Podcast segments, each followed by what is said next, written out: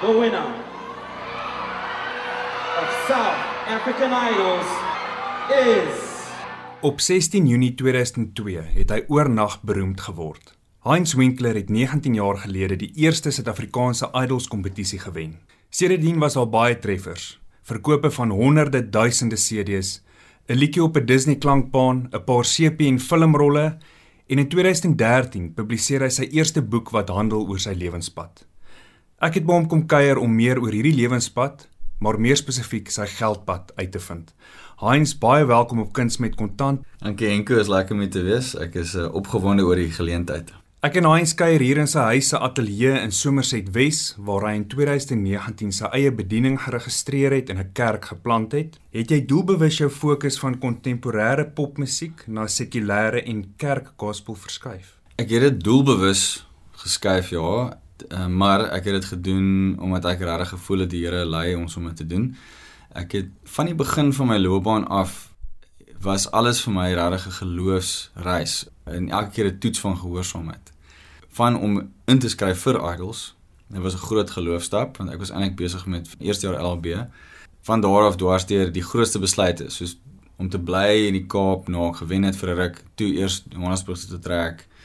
Al daai goeters, die belangrike moments was altyd 'n uh, Here, wat sê u? En ek het definitief alles reg gedoen langs die pad nie, maar die finale groot besluit nou om te weet waar ek is was definitief een van daai en dit was 'n lang proses, maar ek weet nou ek is waar ek moet wees in in daai sweet spot van wat die Here ons voorgeroep het, ja. Ons is hier om oor finansies te praat, so kom ek vra jy dan reguit, hoe het hierdie skuif na gospelmusiek toe jou inkomste beïnvloed? Drasties. ek sê vir mense, ek het voor ek Kaap toe getrek het uit geloof uit en reg omdat ek gevoel het die Here het gesê ons moet het ek gedink nog bietjie naïewelik dat as jy doen wat die Here sê dan gaan alles presies mooi uitwerk en gaan glad nie sukkel hier. en toe ons ons eerste stap neem van geloof om Kaap toe te trek en toe is die volgende ene om dat ek gevoel ek moet my platenmaatskappy los en onafhanklik gaan. En die derde een was om 'n huis, die huis waar ons nou is te koop en te renovate wat ons nie kon bekostig nie. En toe uit al daai was die vierde een om te skuif na Christelike musiek. Die wiele het eers heeltemal afgekom. Ons het eers finansiëel deur 'n verskriklike rowwe tyd gehad en ons het regtig probeer om dinge reg te doen. Jy weet, in terme van jy het 'n rainy day fund, jy savings, jy het al die goeders en my en my vrou se inkomste strome is nie vas nie. Ons het nie salarisse nie. Ons het maar ons altyd geweet die Here sal sorg, maar party maande as jy soos ek het dit net net gemaak en dan ander maande is weer amazing. Jy weet so dit hang af van van maand tot maand. Maar die Here het op ander maniere vir ons begin sorg, maar dit was definitief 'n baie uitdagende tyd gewees vir my. Al daai besluite en keuses wat jy gemaak het, was nog voordat die pandemie getref het. Ja, ja, ja. Niemand het dit gesien kom nie. Nee. Ek dink die die groot laagtepunt was dat ek het van 2016 af wat ek die skuif gemaak het na Christelike musiek en begin meer in bediening ingegaan het tot einde 2019 was 'n 'n moeilike proses van 'n kopskuif en 'n loopbaanskuif en hoe maak ek hierdie werk finansiëel? En dit het, het gegroei na 'n punt waar einde 2019 het 2020 eintlik baie goed gelyk. My jaar het vir die eerste keer omtrent die eerste helfte was amper uitgeboek met vertonings en dit was nie net Sondag by kerk en dit was ander tipe geleenthede ook. En 'n jaar het afgeskop met 'n groot optrede in Johannesburg met 3.500 mense by 'n groot kerkkonferensie. So ek was baie opgewonde oor 2020. En toe slaat die pandemie en die grendeltyd en toe verloor ek al daai shows, al daai werk en my vrou ook. Sy het 'n klomp spreekgeleenthede gehad en dit was alles weg en dit is als inkomste bronne gewees vir ons.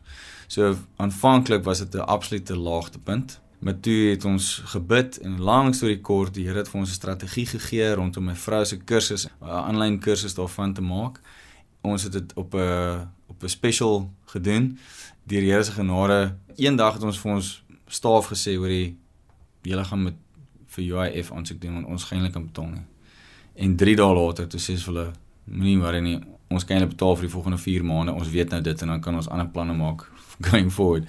Net daai was 'n laagte en 'n hoogtepunt so half terselfdertyd, ja. Op hierdie insetsel probeer ons oplossings vind vir probleme in hierdie bedryf. Hoe kan kunstenaars mekaar ondersteun tydens hierdie moeilike tye, veral nou met die vierde vlaag van die koronavirus? Die positiewe kant wat ek al gesien het is dat waar kunstenaars saam dinge doen, saam vertonings doen. Ek weet nie altyd hoe daar geld gemaak word en hoe dit verdeel word nie. Dit dink ek bly 'n uitdaging. Kyk in die musiekbedryf was jou lewendige optredes was nog altyd ons grootste bron van inkomste. Jy weet jy maak nie so baie geld uit toe CD's nou nog 'n ding was, was dit weet jy kon baie geld daaruit maak, maar jou groot kunstenaars se lewendige optredes is nog steeds hulle grootste bron van inkomste gewees. Want nou is dit weet jy stroom jou musiek, jy kry 0,00001 sent per speel. Jy weet so ons inkomste in terme van ons intellektuele eiendom het baie baie verswak. Aanlyn live shows kan werk, maar dit is dis 'n baie moeiliker ding om te maak werk as 'n gewone optrede wat mense na toe kan kom. So dit is maar uitdagend. Daar's ouens wat baie kreatiewe goeders doen om ekstra geld in te samel. Ek dink een van die mees praktiese goed wat kunstenaars kan doen is om uh, merchandise te verkoop. Hemde, hoede. Jy het op 'n stadium werkswinkels en kursusse aangebied vir voornemende sangers. Is hierdie van die harde realiteite wat jy met hulle gedeel het by daai kursusse? Ja, ek dink die grootste ding wat meeste voornemende kunstenaars moet hoor is dat hierdie bedryf is nie maklik nie. Dat talent is 20% daarvan. Die res is harde werk om 'n visie te hê, om 'n plan te hê en om te weet dat hierdie is nie Hollywood nie. En selfs Hollywood is nie Hollywood nie. Jy weet ons sien die glansdeel, maar die ons sien nie die agter die skerms druk deur, werk hard, vroeë oggendure, laat aande, sweet, trane, jy, jy sien nie altyd al daai goed nie, wat dit verg om 'n sekere vlak te bereik. Ek sê altyd vir mense, jy moet mooi besluit. Net omdat jy talent het, beteken nie jy hoef dit te doen vir 'n lewe nie. Daar's 'n verskil. As jy hierdie wil doen want jy is passievol oor musiek, great. Sing elke naweek saam met jou vriende. Kry 'n bar of 'n plek waar jy kan optree. Maar sodra jy sê hoor hierdie wil ek doen professioneel vir 'n lewe, dan is dit 'n hele ander ballgame. Want is jy die volgende ding wat mense wil hoor. Is jy daai klank, daai lied, daai oomblik en wat gaan jy daarna doen? En ek is seker jou advies wat jy met al hierdie opkomende kunstenaars deel, is dat hulle ook moet kyk na wat in kontrakte staan. Ja, nee, die die regskant is omtrent net so groot soos die finansiële bestuurkant. Ek was dankbaar vir my bietjie regs agtergrond van universiteit want jy het seker dik kontrakte vir jou en as jy nie weet hoe om te lees, wat om te verstaan, wat is die belangrike klousules en terme wat jy ten minste moet verstaan. En in in my kursus is dit een van die goed wat ek met hulle bespreek. Hoorie, jy gaan dalk nie die hele kontrak verstaan nie, maar jy moet weet wat is die termyn, wat is die terme wat jy teken, wat is jou verantwoordelikheid? Wat is die platenmaatskappy se verantwoordelikheid? Wat kan jy van hulle verwag? Wat is realisties? Wat's nie realisties nie?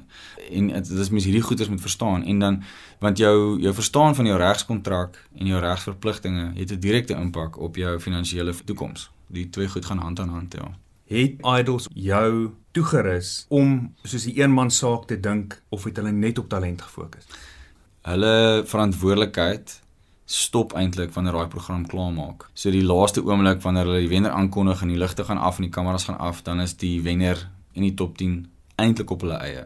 Daar was 'n bestuurder en 'n agent vir my voorsien, maar hulle het nie gekom van 'n plek van ervaring in die musiekbedryf vir 'n solo kunstenaar nie.